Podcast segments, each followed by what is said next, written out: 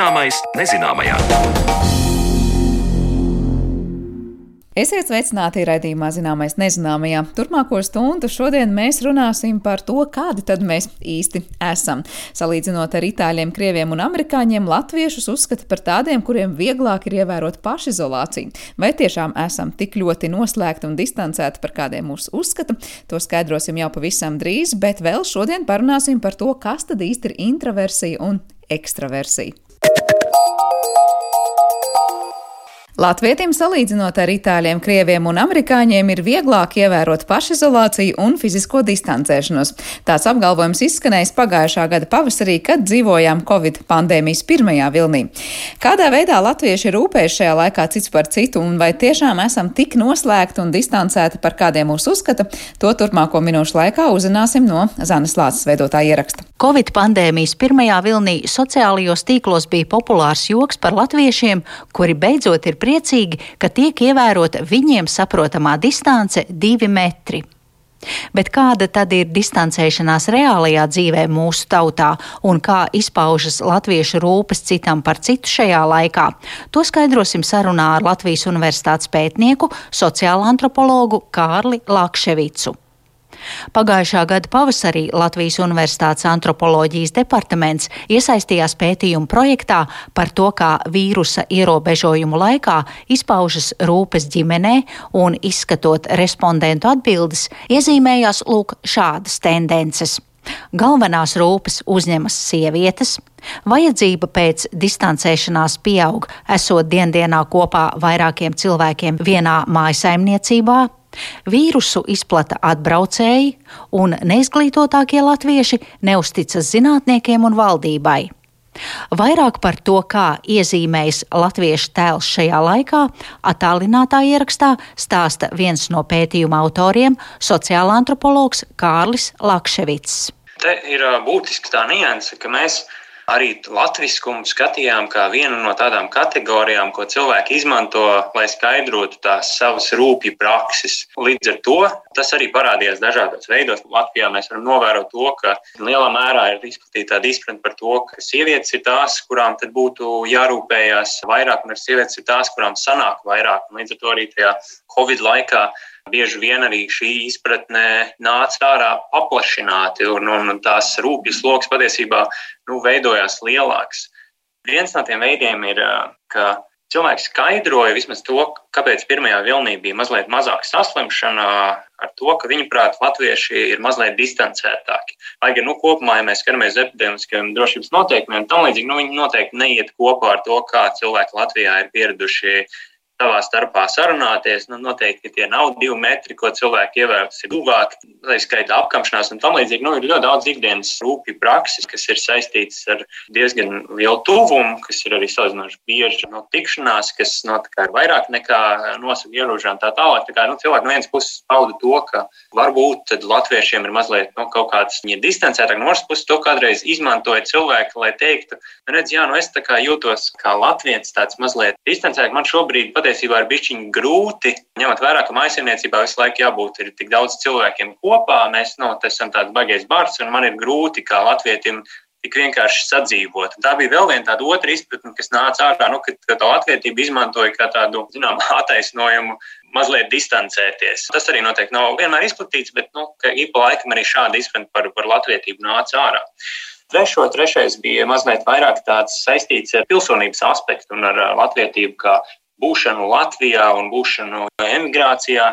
Respektīvi, tiek vainoti bieži vien tā covid ienešanā no personas, kas nu, ir no Latvijas aizbraukuši, tad atgriežas un tad atbrauc ar covid un neievēro noteikumus un viņi tika pārmesti, ka viņi ir nu, mazāk ievēro kaut kādas noteikumus un tam līdzīgi. Respektīvi, ka viņi nav īsti latvieši. Un tur bija tāda kaut kādā ziņā tā, tā mēģināja saprast, nu, kā novilkt to robežu, kas tad ir tas pareizais latviečs, tāda kategorija, kurā mēs sākam domāt, kas ietilps latviešos, kas nē, balstoties to, kāda ir viņa atbildība.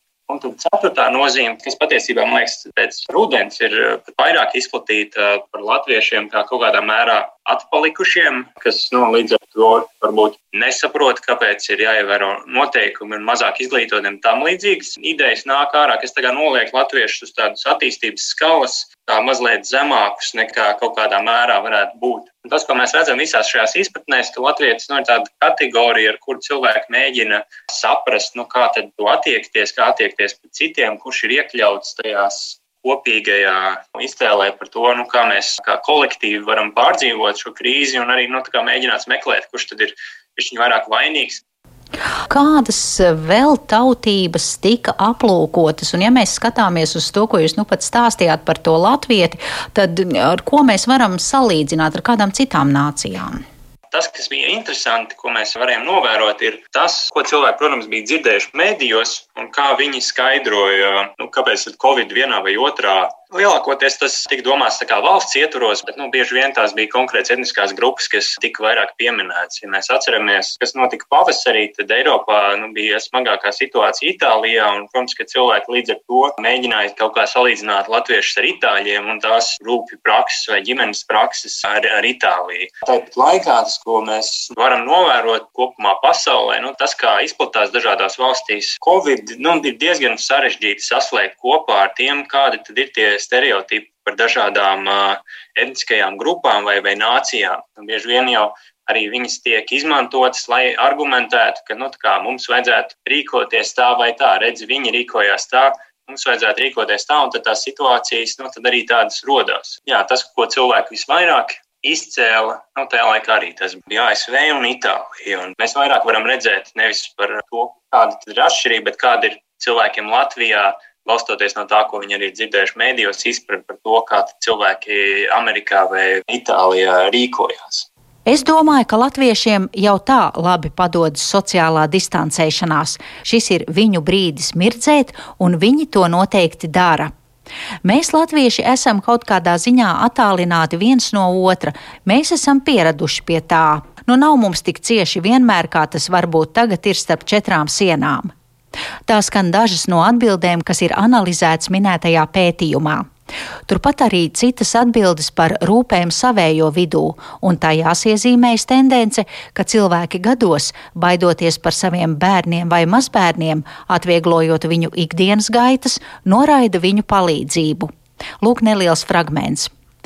Man pieteicās, ka mazdēls vedīs pārtiku, un tas jau bija sarunāts. Bet tad es pārdomāju, tomēr, ka tas liels apgrūtinājums. Viņš dzīvo tālu prom, bez tam viņš strādā, un tātad pēc darba viņam vēl kaut kur ir jābrauc. Es negribēju viņu apgrūtināt un atteicu. Mēs šeit redzam tādu interesantu dimensiju, ka tās ir arī attiecīgā cilvēka rūpes par savu mazdēlu šajā gadījumā. Nu, no vienas puses, nu, viņš arī domā, jā, viņam tad ir jābrauc, un, un es taču kaut kā tikšu galā, un nu, es varbūt esmu tajā riska grupā. Nu, es patiesībā arī nu, ļoti labi tieku galā pats individuāli, un patiesībā es negribu būt nevienam par slogu. Un šis ir ļoti izplatīts. Tas nav arī tikai Latvijā, tas ir daudz kur pasaulē. Seniori nevēlas būt par slogu un kaut kādu veidu ievainojamību arī atzīt vairāk. Ja mēs runājam par senioriem, tad daudz senioru arī bija ļoti norūpējušies par uh, saviem ģimenes locekļiem, pat nu, tās, ka viņi ir vairāk riskā nekā viņi paši, jo, jo viņi salīdzinoši varbūt arī nu, dzīvo vairāk uz laukiem un tam līdzīgi. Man liekas, tas, ko mēs šajā stāstā un daudzos citos varam novērot, tiešām, ka nu, Latvijā arī mūsu seniori ir tajā lomā, ka viņi jūtās, ka viņi ir tie, kas arī rūpējās, ka viņiem ir tā loma ģimenē būt tam, kas tāds dāvaniņas kaut kad pasniedz. Un ka ir ļoti sarežģīti arī pieņemt to lomu, kurā par tevi vairāk arī rūpējās. Un, protams, daudziem senioriem Latvijā ir tāda, viņi ir gatavi to darīt un pastāvēt par sevi un, un paši ar visu tikt galā. Un, un, un daži arī no intervētējiem aprakstīja, ka nu, viņiem šī pat neliekas varbūt priekš viņiem nu, nemaz tik ļoti liela krīze, kā daži labi cita viņu iepriekš dzīvē pieredzētā.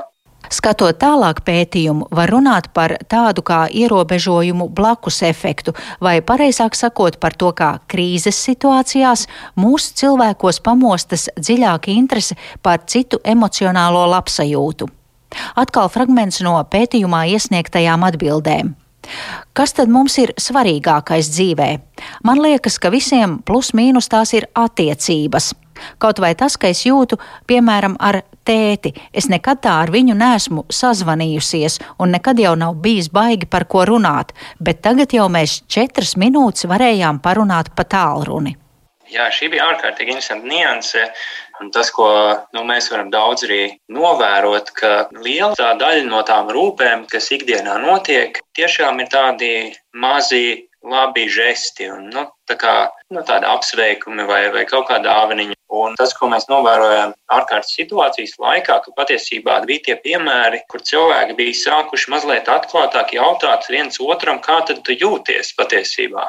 Kas varbūt nemaz nav tāds jautājums, kas pat tik ļoti tiktu jautāts. Mēs atnākam, nu kā iet tā, bet nu, tiešām ņemot vērā, ka bija diezgan daudz no arī stresa un, un ziņas dažādas, un ka, ka dažiem tiešām nu, arī tās izolācijas, un kāds tiešām arī ir saslims. Tā, tas jautājums, kā tu jūties, jā, tādā emocionālā līmenī, kas varbūt tajās reizēs, kad cilvēki vienkārši satiekās un kārtīgi pāēd, kas nu, bieži vien ir tā centrālā vizītes sastāvdaļa, aizbraucot pie vecākiem un tā, tad nu, jā, tas par to telefonu. Cilvēki arī jautāja, nu, kā ir, nu, kas, kas notiek, un viss kārtībā, un, un, un jūs tur ejat un distancējaties. Un, un zinu, kā un šitā varbūt labāk vajadzētu, un es zinu tādu līdzekli, un, un es, nu, varbūt kaut ko tad vajag pievest. Tā, nu, tādas interesantas nianses, kas parādās tomēr, nu, ka cilvēki tiešām arī tādā emocionālā līmenī bija identificējuši, ka par to vajadzētu runāt. Un, un arī es ziņojumā varēju lasīt, arī, ka, ka bija viens arī, arī vecāks kungs, kura meita pirmo reizi ar tēvu tādā emocionālā līmenī gan izvai bija, bija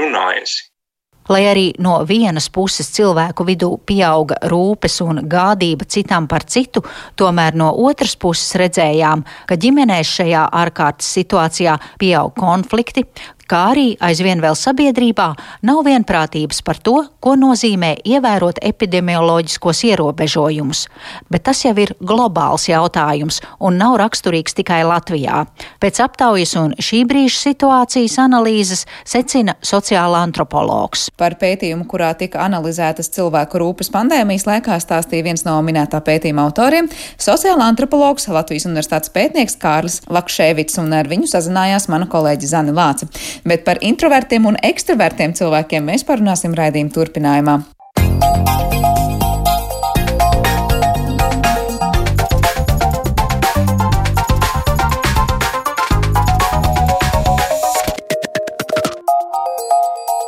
Zināmais nezināmajā. Mēdz jokot, ka Covid-19 izraisītā pandēmija un ar to saistītā sociālā distancēšanās un palikšana mājās esot introvertu atriebības gājiens ekstravertiem, kuriem līdz šim šī pasaule bijusi vairāk piemērota. Ar joku pētniecību gan mēs raidījuma atlikušajā daļā nenodarbosimies, bet palūkosimies, kas un kādas tad ir tās atšķirības, kas nosaka cilvēku personības tipu. Par introvertiem un ekstravertiem tad nu arī saruna mūsu attālinātajā studijā, kur ciemos esam aicinājuši psihoterapeitu Rīgas Stradiņa Universitātes psihosomatiskās medicīnas un psihoterapijas katedras docentu Artūru Ūtinānu. Labdien! Labdien! Uh, vai tas, ka kāds no mums ir introverts vai ekstraverts cilvēks, uh, ir temperamenta jautājums? Kā īsti saprot, ir tādi personības tipi, dažādi tiek klasificēti, bet kas īsti ir šie introvertie un ekstravertie cilvēki? Um, jā, tas ir tāds ļoti interesants jautājums. Uh, var, piemēram, nosaukt, ka cilvēkam ir temperamenti. Ja? To mēs saprotam kaut kādu tādu ģenētisku predispozīciju uz kaut kādiem reaģēšanas veidiem. Tāpēc ir tāds termins temperaments. Ir termins rakstura īpašības, kāpēc cilvēks pēc rakstura ir introverts vai ekstraverts. Ja? Visas šīs šos terminus var arī kaut kādā ziņā kā apstrīdēt. Ja? Piemēram, varbūt nu, raksturu saprot arī kaut kas tāds, kas ir cilvēka uzvedībā, domāšanas tipā, tāds pastāvīgs un ilgstošs. Ja? Un īpaši var teikt, ka saglabājas pēc 18 gadu vecuma. Nu, tur tāda uh, ļoti voluntāra robeža, un tā kā turpinās uh, visu dzīvi. Um, var teikt, ka cilvēkam rakstura īpašība vispār nav, bet, piemēram, viņam ir uh, visādi ieradumi, veselīgi ieradumi, neveselīgi ieradumi, jā, piemēram, nu, uh, nesaka, ka cilvēks ir alkoholiķis pēc rakstura. Ja? Kaut gan alkohola lietošanas, nu tā sakot, anamnēze cilvēkiem var ilgt, piemēram, visu mūžu. Ja? Vienam vairāk, vienam mazāk. Ja? Vai, piemēram, nu, vieni cilvēki ir teiksim, tādi seksuāli aktīvāki, citi ir seksuāli pasīvāki. Ja? Izdara, hip, izdala hiposeksualitāti, piemēram, aseksualitāti vai pat hiperseksualitāti. Ja? Vai mēs teiksim, viņš ir seksuāls pēc rakstura, tad tur izdalā, piemēram, tādu iedzēju, nē, piemēram, ja baigi se, pa seksu vien domā visu cauru dienu, tā ir seksa atkarība. Ja? Citiem atkal tur mīlestība ir pirmajā vietā, un vispār bez mīlestības tur nedzīvojiet. Ja? Un tad, teiksim, tāds cilvēks nevar pat dažas dienas vienatnē pabūt, tad saka, mīlas atkarīgie vai atkarīgie no attiecībām. Ja tas ir tāds raksturs, piemēram, atkarīgs raksturs. Ja? Uh, nu, tāds, tāds iedziens var izveidot, tāpat kā cilvēkiem ir tendence pierakstīt kaut kādas emocijas raksturam. Piemēram, es esmu skaudīgs. Jā, piemēram, cilvēks var teikt, es esmu greizsirdīgs, ne, vai šis cilvēks ir kautrīgs tas cilvēks ir agresīvs, ja viņš ir pastāvīgi dusmīgs. Ja? Bet mēs varam teikt, tās nav raksturīpašības. Ja? Emocijas ir tādi paši signāli, kā piemēram bada sajūta, vai sāta sajūta, slāpju sajūta vai veldzes sajūta. Ja? Un kas ir īstenībā saistīts ar cilvēka, varētu teikt, biosociālajām vajadzībām, vai motivācijas sistēmām, vai daži to sauc pat par ziņām vai instinktiem. Ja? Un tāpēc ar to ekstraversiju, introversiju arī var teikt. Tāpat tā kā ir cilvēki, kas ir maz seksuāli un ļoti seksuāli, un ir cilvēki, kas tā kā, nu, tā kā netiecās pēc tāda sociāla instinkta, kā visu laiku čupoties un uh, tusēties un tā tālāk. Un, Un ir cilvēki, kam tas sagādā tādu um, baigo baudas sajūtu, un, uh, un visu laiku ir šī pastāvīgā vajadzība tusēties un čupoties. Ja? Tas ir tādi e, in, instinkti, ja, ja vēl minam uh, to līderību vai vado, vadonis, jā, tad arī var teikt, ka vieni cilvēki pēc varas un sociālā statusa tiecas vairāk, Piemēram, statistiski vīrieši tiecas pēc varas vairāk nekā sievietes. Ja? Un, piemēram, politikā iespējams ir vairāk vīriešu, ne tāpēc, ka, nu, kā kādreiz feministes teica, vienkārši ot, fiziski spēcīgāks, ot, viņš pasaka, ot, šita sēdēšu es un tu te nesēdēsi. Ja? Bet viņiem ir motīvs vairāk tiekties. Bet, ja sievietē ir motīvs, tad eh, viņa arī visās um, formācijās, vai tā bija senā Ķīna, Eģipte, Maiju vai Acteku sabiedrība, arī varēja, tā sakot, iekarot um, lielu ietekmi. Um, tāpēc, uh, piemēram, tur pētījums, pētījumi ir par šīm ekstravertiem un introvertiem, to saista arī ka ekstraverti atstāja lielāku iespaidu uz cilvēkiem, nu, izskatās vairāk uz, uz līderību orientēti.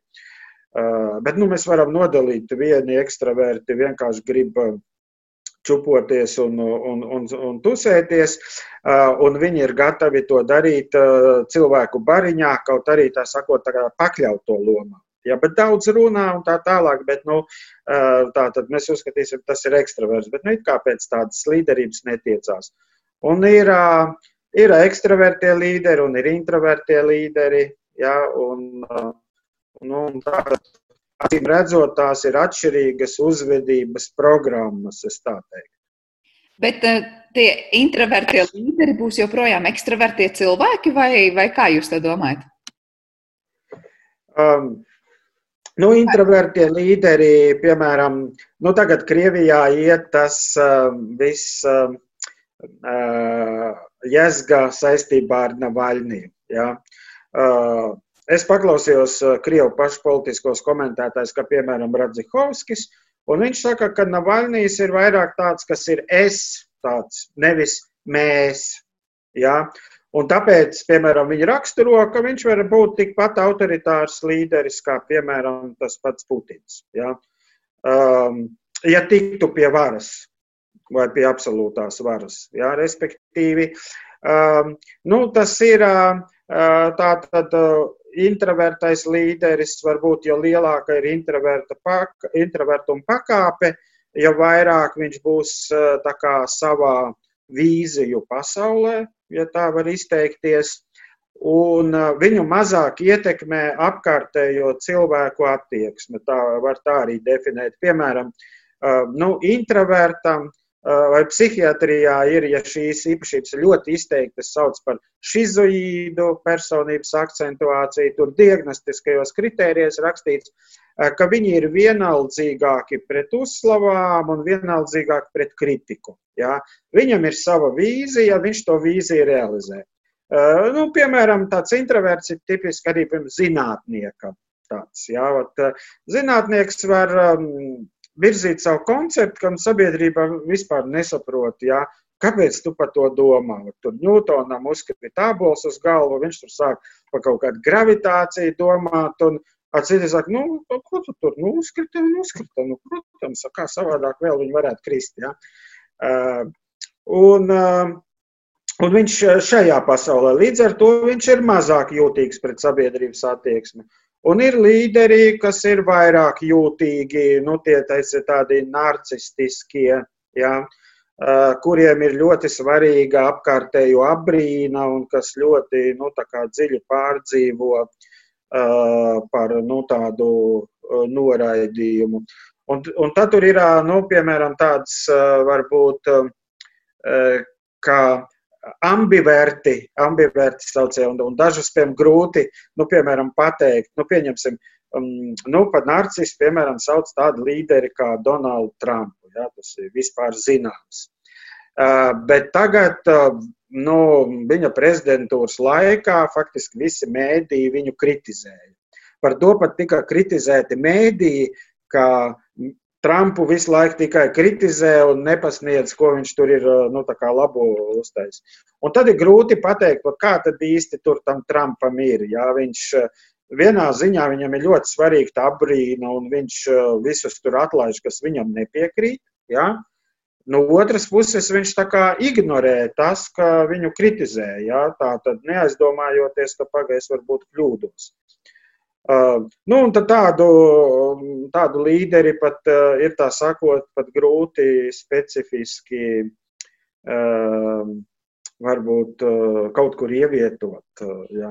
Bet kā notiek, piemēram, klausoties, liekas, mēs ja katrs kaut kādā brīdī esam aizrauts ar savu ideju un tai ticam, un mums nav tik svarīgs citu viedoklis, mēs tā kā atbilstam tam introvertu klasifikatoram, ja, un tajā pašā laikā, ja mums būs nepieciešamība doties tur pie draugiem un skaļi smieties, runāt vai par sevi grūtā brīdī stāstīt, nevis klusēt, mēs būsim tā kā ekstraverts. Kā tas sanāk vienā cilvēkā var būt gan, gan, un visu dzīvi mūsos arī ir gan, gan šīs abas puses savietotas, vai tomēr mēs piedzimstam vairāk virzīt vienam vai otram tipam? Nu, gan, gan. Es, piemēram, sevi pieskaitu subjektīvi vairāk introvertiem nekā ekstravertiem, eh, bet eh, eh, kādreiz atceros kaut kādus tur testus, es pildīju, man ir uzrādīts, tā kā tests uzrāda apmēram līdzīgi. Uh, Bet es uzskatu, ka es vairāk esmu introverts nekā ekstraverts.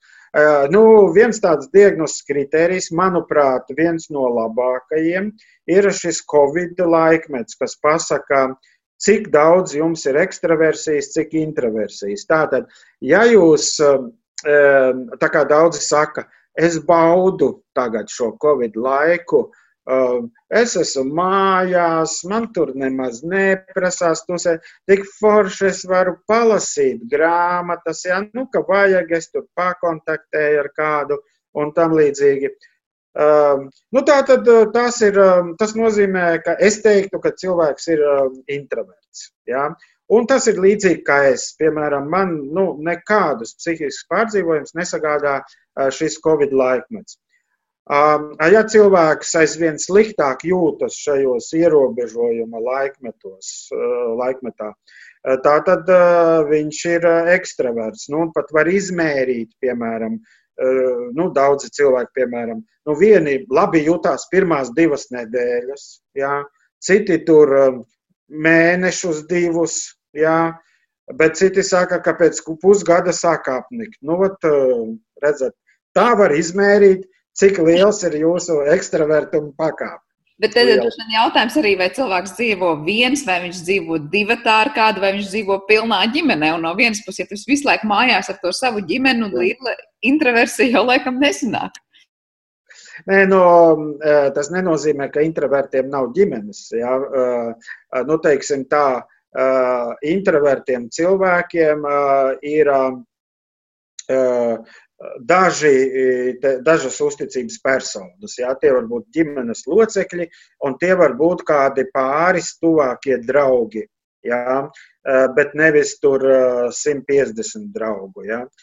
Un, un, un, un introvertam var būt vairāk izteikta tāda svešinieku, dažreiz trauksme, ja tas ir tādā lielākā pakāpē, vai tāds diskomforts. Jā, ar svešu cilvēku uh, Uh, viņš tā uzreiz nevar atrast tēmu, par ko sarunāties. Jā, nu, es tur nezinu, kas viņam interesē. Un, un, un introvertiem parasti ir grūtības ar tā saucamiem small talkiem. Jā, tur pat runāt ne par ko. Tā arī ir tāda viena no nu, introverta pazīmēm parasti. Jā. Uh, nu, es tā nevaru nu, kaut ko sākt tur ne par ko. Tur, nu, kāds tur laiks, tur kas tur sāk stāstīt vienkārši, ko es šodien darīju. Nu, Kāda jēga? Ja?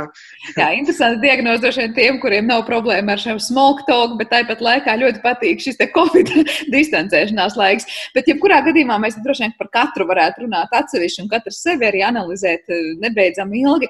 Bet jautājums, vai Varētu teikt, tā, ka mūsu sabiedrība, kurā mēs dzīvojam, vairāk ir uzbūvēta šiem ekstravertajiem cilvēkiem, vai teikt, pasauli līdz covidam. Proti, ka introverti visu laiku ir spiesti vairāk iziet no tās savas komforta zonas un komunicēt un dzīvot tā, kā ekstravertiem ir ērti. Uh, nu, gan jā, gan nē teiksim, tas tāds komplicēts jautājums. Nu, no vienas puses saka, piemēram, ka introverti ir tie, kas diezgan daudz ko ir ieviesuši mūsu sabiedrībā, piemēram, sākot ar visādām tādām īpatnējām vīzijām, tehnoloģijām un tā tālāk. Jā. Un tad introvertie vairāk raksta tādus romānus, kas ir tāds fantāzija tipa romāni, kā redzami pavēlnieki, nārnijas kronikas un tā. Tā tad, jo viņi ir fantazētāji un, un viņi var tur sēdēt un rakstīt un nezinu, tā kā potersāgu, nu kā, nu, man liekas, ka būtu grūti uzrakstīt tādas grāmatas, cik tur desmit vai cik tur sējumus nu, tu, visu laiku sēdi un raksta, nevis komunicējies ar cilvēkiem. Tātad tur, tur jābūt kaut kādām introvertējām īpašībām. Nu, sabiedrība kaut kādā ziņā uztver nu, teiksim, atzinīgāk komunikabls cilvēks. Tas tiesa, vairāk par viņiem balso, Uh, ievēl kaut kur uh, un tur vadošajos amatos, ir skaidrs, ka komunikācijai ir liela nozīme. Un cilvēkiem tīri intuitīvi varbūt nepatīk tādi cilvēki, kas ir noslēgti, jo, nu, es nezinu, kas lācītim vēderā, ja, tie, kas visu laiku tur runā par visu kaut ko, ja, nu, ir skaidrs, jā, man te nav no kā baidīties, jo, jo viņam viss, kas galvā, tas mēls galā. Un, tā tad eh, es Bet visu zinu, ko viņš domā. Bet tas, ko jūs minējāt, tagad tik daudz zinātnieku saka, es esmu spiests komunicēt, man ir jākļūst gan par komunikātoru, lai gan es tāds neesmu. Nu, šī pasaule un dzīve piespiež darīt to, kas ir pretrunā ar savu iekšējo dabu. No vienas puses, varbūt tiešām mēs tā kā vienādojam cilvēkus un liekam visiem būt vienādi ekstravertiem vai, vai introvertiem. Jā, tāpēc uh, sabiedrības ir atšķirības. Vai nu zinātniekam ir, uh, nu, protams, tas ir tad, ja ir daudz naudas zinātnē, un tad ir uh, savi komunikatori, kas to darbu izdara viņa vietā. Un tad, ka zinātnē nav naudas, un, un viņam pašam jācīnās par to, un tad, lai viņš dabūtu līdzekļus, viņam ir jākomunicē. Bet tas, ka ir grūti, jā, nu, atkal Redzat, tas ir tāds jautājums, nu, vai ja man tas ir grūti, vai, no, vai tas nozīmē, ka man tas nebūtu jādara. Jā. Nu, piemēram, nu, mēs visi zinām, cik grūti ir savākties nu, vismaz lielai daļai cilvēku un aiziet uz sporta zāli. Jā. Kaut gan pēc tam visi jūtas labāk, ka tur ir aizgājuši, bet nākamajā dienā atkal tas pats. Jā. A, varbūt neiet un tam līdzīgi. Kaut gan varētu teikt, um, kustība ietilpst mūsu instinktos. Beiga beigās uh, um, mūsu senajā pagātnē mēs lēkājām pa kokiem, bēgām no tīģeriem, dzināmies pakaļ uh, tur antilopēm, karoja savā starpā, cilvēks laiku bija kustībā. Ja? Uh, un, un līdz ar to kustēties ir arī tāds kā instinkts. Un, un tas arī ļoti ietekmē garastāvokli. Ja cilvēks kustās, viņam uzlabojas garastāvoklis, izdalās dabiskie antidepresanti. Un, ja viņš nekustās, viņam garastāvoklis eh, pasliktinās. Un neskatoties uz to, ir grūti sevi piespiest. Ja? Eh, protams, var teikt, tur ir um, pēc rakstura kustīgie un mazkustīgie, vai arī pēc rakstura aktīvie un rakstura pasīvie. Um, Nu, jā, tās dispozīcijas ir bioloģiskas, bet šīs dispozīcijas var attīstīt nu, pretējās, jā, piemēram, komunicēt.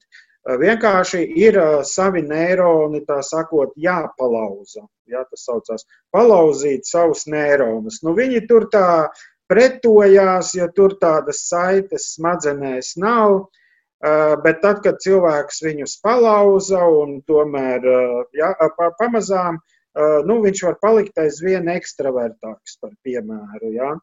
Eh, vai, vai sportiskāks, vai vienalga kādu, kādu mēs īpašību paņemam. Un vēl jau vairāk, ka tagad var teikt, jo vairāk mēs savus neironus lauzām, jo vairāk mēs attālinām vecuma demenci. Tā kā, ja zinātnieks, tā sakot, ja pārkāpj sev pāri, ja tas saucās, viņam tas ies tikai pa labu. Eh, tas nenozīmē, ka man ir kaut kāda konstanta es būtība, kurai, ja es pārkāpšu pāri, es nodarīšu sev pāri. Ja? Uh, nu, ir gadījumi, ja tas ir, uh, protams, pa sliktu savai veselībai vai citas veselībai, es nodarīšu sev pāri. Bet, ja tas ir veselībai pa labu, bet man priekš tā ir jāpārkāp sev pāri, pilnīgi noteikti tas būs tikai pa labu.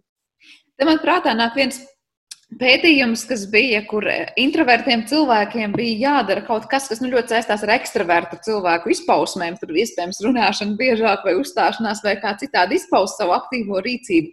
Un finālā sanāca tā, ka introverti, kuri bija spiesti darbi, darīt vairāk ekstravertu lietas, beig, beigās jutās laimīgāk nekā ekstraverti, kuriem lika darīt introverto lietas.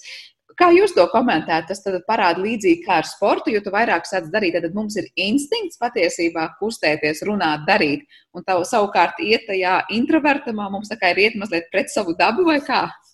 Jā, tieši to es tā arī, tāpēc arī es iesāku to, ka vai tā ir rakstura īpašība, vai tā ir biosociāla vajadzība. Mēs esam grupas dzīvnieki, mums ir sociālās smadzenes. Jā. Cilvēki nav, nu kā to dažreiz saka, vientuļie vilki. Jā, kaut gan vilki ir sociāli dzīvnieki jā, un dzīvo grupās. Un tā tad līdz ar to sanāk tā, ka introvertais, kurš eh, šajā pētījumā, tātad eksperimentā, bija spiests nu, vairāk socializēties, viņš saņem tādu instrukciju, ka jārunā vairāk, jāizsaka savs viedoklis, tāds ir tavs tev uzdevums. Ja? Viņš kā pārvarēja to iekšējo tādu negribēšanu, ja? un viņš par to sajūt pozitīvas emocijas, jo tā ir parasta instinkta sastāvdaļa. Ja mēs viņu piepildām, mēs jūtamies labāk. Um, vienīgi introverts, ja viņš viņu tā nepiepilda, viņš nejūtas sliktāk. Lūk, ekstravertam kuram šis instinkts ir izteiktāks. Tā tad viņam, viņš saņēma instrukciju, ka nekomunicēt, izrādīt pasivitāti, tur slēpt savu viedokli. Viņš gāja pret šo instinktu, un viņš sajūtās sliktāk. Nu, tas būtu tāpat, kā mēs salīdzinām hiperseksuālu ar hiposeksuālu cilvēku. Hiposeksuālam pateiksi, nu, tu vari bišķiņ biežāk ar to seksu nodarboties. Nu, viņš pamēģina, nu, jā, nav slikti, tīri labi. Jā. A, hiperseksuālam pateiks, ka tagad ot, atturies no seksa. Jā. Nu, skaidrs, nu, tas pats rezultāts. Bet kā ir ar pašvērtējumu gan vienam, gan otram? Atkal nāk prātā viens eksperiments, vai kā lai to labāk nosauc, kur introvertie kļuva par tādiem kā līderiem savā grupiņā, un sanāk tā, ka tie, kas bija tie līderi, sevi kā, nu, novērtēja zemāk nekā patiesībā tie pārējie, kuri pateica, ka tas līderis nemaz nebija tik slikts. Vai tā ir tiesa, ka varbūt introvertais ir ar tādu tendenci neredzēt sevī tās labās līderu, varbūt dotības un īpašības, un nenovērtēt uz savu darbu pietiekoši labi? Jā, tur var būt dažādas nianses, um, jo uh, nu, tos, kurus Pirmkārt, varbūt tāda lieta, ja, ka cilvēks bioloģiski nemaz nav tāds introverts. Eh, bet bērnībā nu, ir saņēmis faktiski tādu ļoti kritizējošu audzināšanu. Ja? Un netika ne par ko slavēts. Ja? Līdz ar to uh, viņš ir sajūtis daudz kauna, aizvainojumu, skumju. Un, lai nesajust tās emocijas, viņš sāk norobežoties no sociālās komunikācijas. Ja? Un, uh, Līdz ar to tādiem cilvēkiem palielināt nu, tā saucamā sociālā trauksme. Ja? Un tam mēs varam iedalīt nu, tās tādas introversijas, tādas pakāpes, ka vieniem introvertiem nav šī sociālā trauksme vai viņa nav izteikta, jo tā kā Um, viņš ir um, kā, savu domu un savu novērtējumu pasaulē, un viņam ir vairāk tāds neatkarīgs kodols no sabiedrības. Tāpēc, piemēram, viņi var izteikt viedokli, kas nesakrīt ar sabiedrības viedokli. Piemēram, tur zinātniskos pētījumos, vai tur kā Galileo Galilejs vai tur uh, nezinu, Leonardo da Vinci vai Giordano Bruno vai vēl kaut kas, jā, kas pilnīgi iet visi pretī visiem šiem sabiedrības viedokļiem. Un, un otra lieta ir, kad cilvēks ir jūtīgs un baidās no kritikas. Jā. Un tiem, kas, kam ir šī sociālā trauksme, nu, tāda kā psihoterapeiti saka, viņi to kritizējošo instanci, kas īstenībā ir viņu pašu galvā. It kā projicē auditorijā. Un tāpēc viņiem liekas, ka nu, tā tad, uh, es izteicu savu viedokli, bet nu, visi noklausījās, bet nekādas ovācijas nebija, visi nepiecēlās, neaplaudēja. Nu, tā tad viņiem mans viedoklis nepatīk. Un tad viņš novērtē, nu, es neatstāju iespaidu. Jā. Ja? Kaut gan varbūt viņš atstāja tādu iespēju, ka visi tur, nezinu, mēlis norija. Ja? Uh, bet, nu, iekšējais kritiķis, kas viņos dzīvo. Bet uh, tajā pašā laikā, nu, mēs sakām, introverts būs tas, kas grūtā brīdī drīzāk ies pie sevis domāt, nevis ies par savu problēmu otram stāstīt. Varbūt tā, ka cilvēks patiesībā nebūtu nav introverts, bet atkal tas ir bērnībā Eh, pieredzētais, ka par savām grūtajām lietām tev nav jāstāsta mammai vai tētim, vai tevi norāja par to, ka tev ir kaut ko tu netiec galā. Un cilvēks patiesībā ir ekstraverts, bet viņš ir iemācīts savas problēmas risināt pašam stūrītī. Jā, tieši tā. Jo, jo tā pazīme vairāk būs tāda, ja cilvēks izskatās introverts, bet viņš ir tāds iekšēji sāpīgi pārgremo visu kaut kādus dienas notikumus, ja, tad liela iespēja ir, ka viņš tāds ekstraverts vai ambiverts, eh, kurš saņēmis eh, pietiekoši daudz kritikas vai, vai tā saucamās negatīvās pieredzes.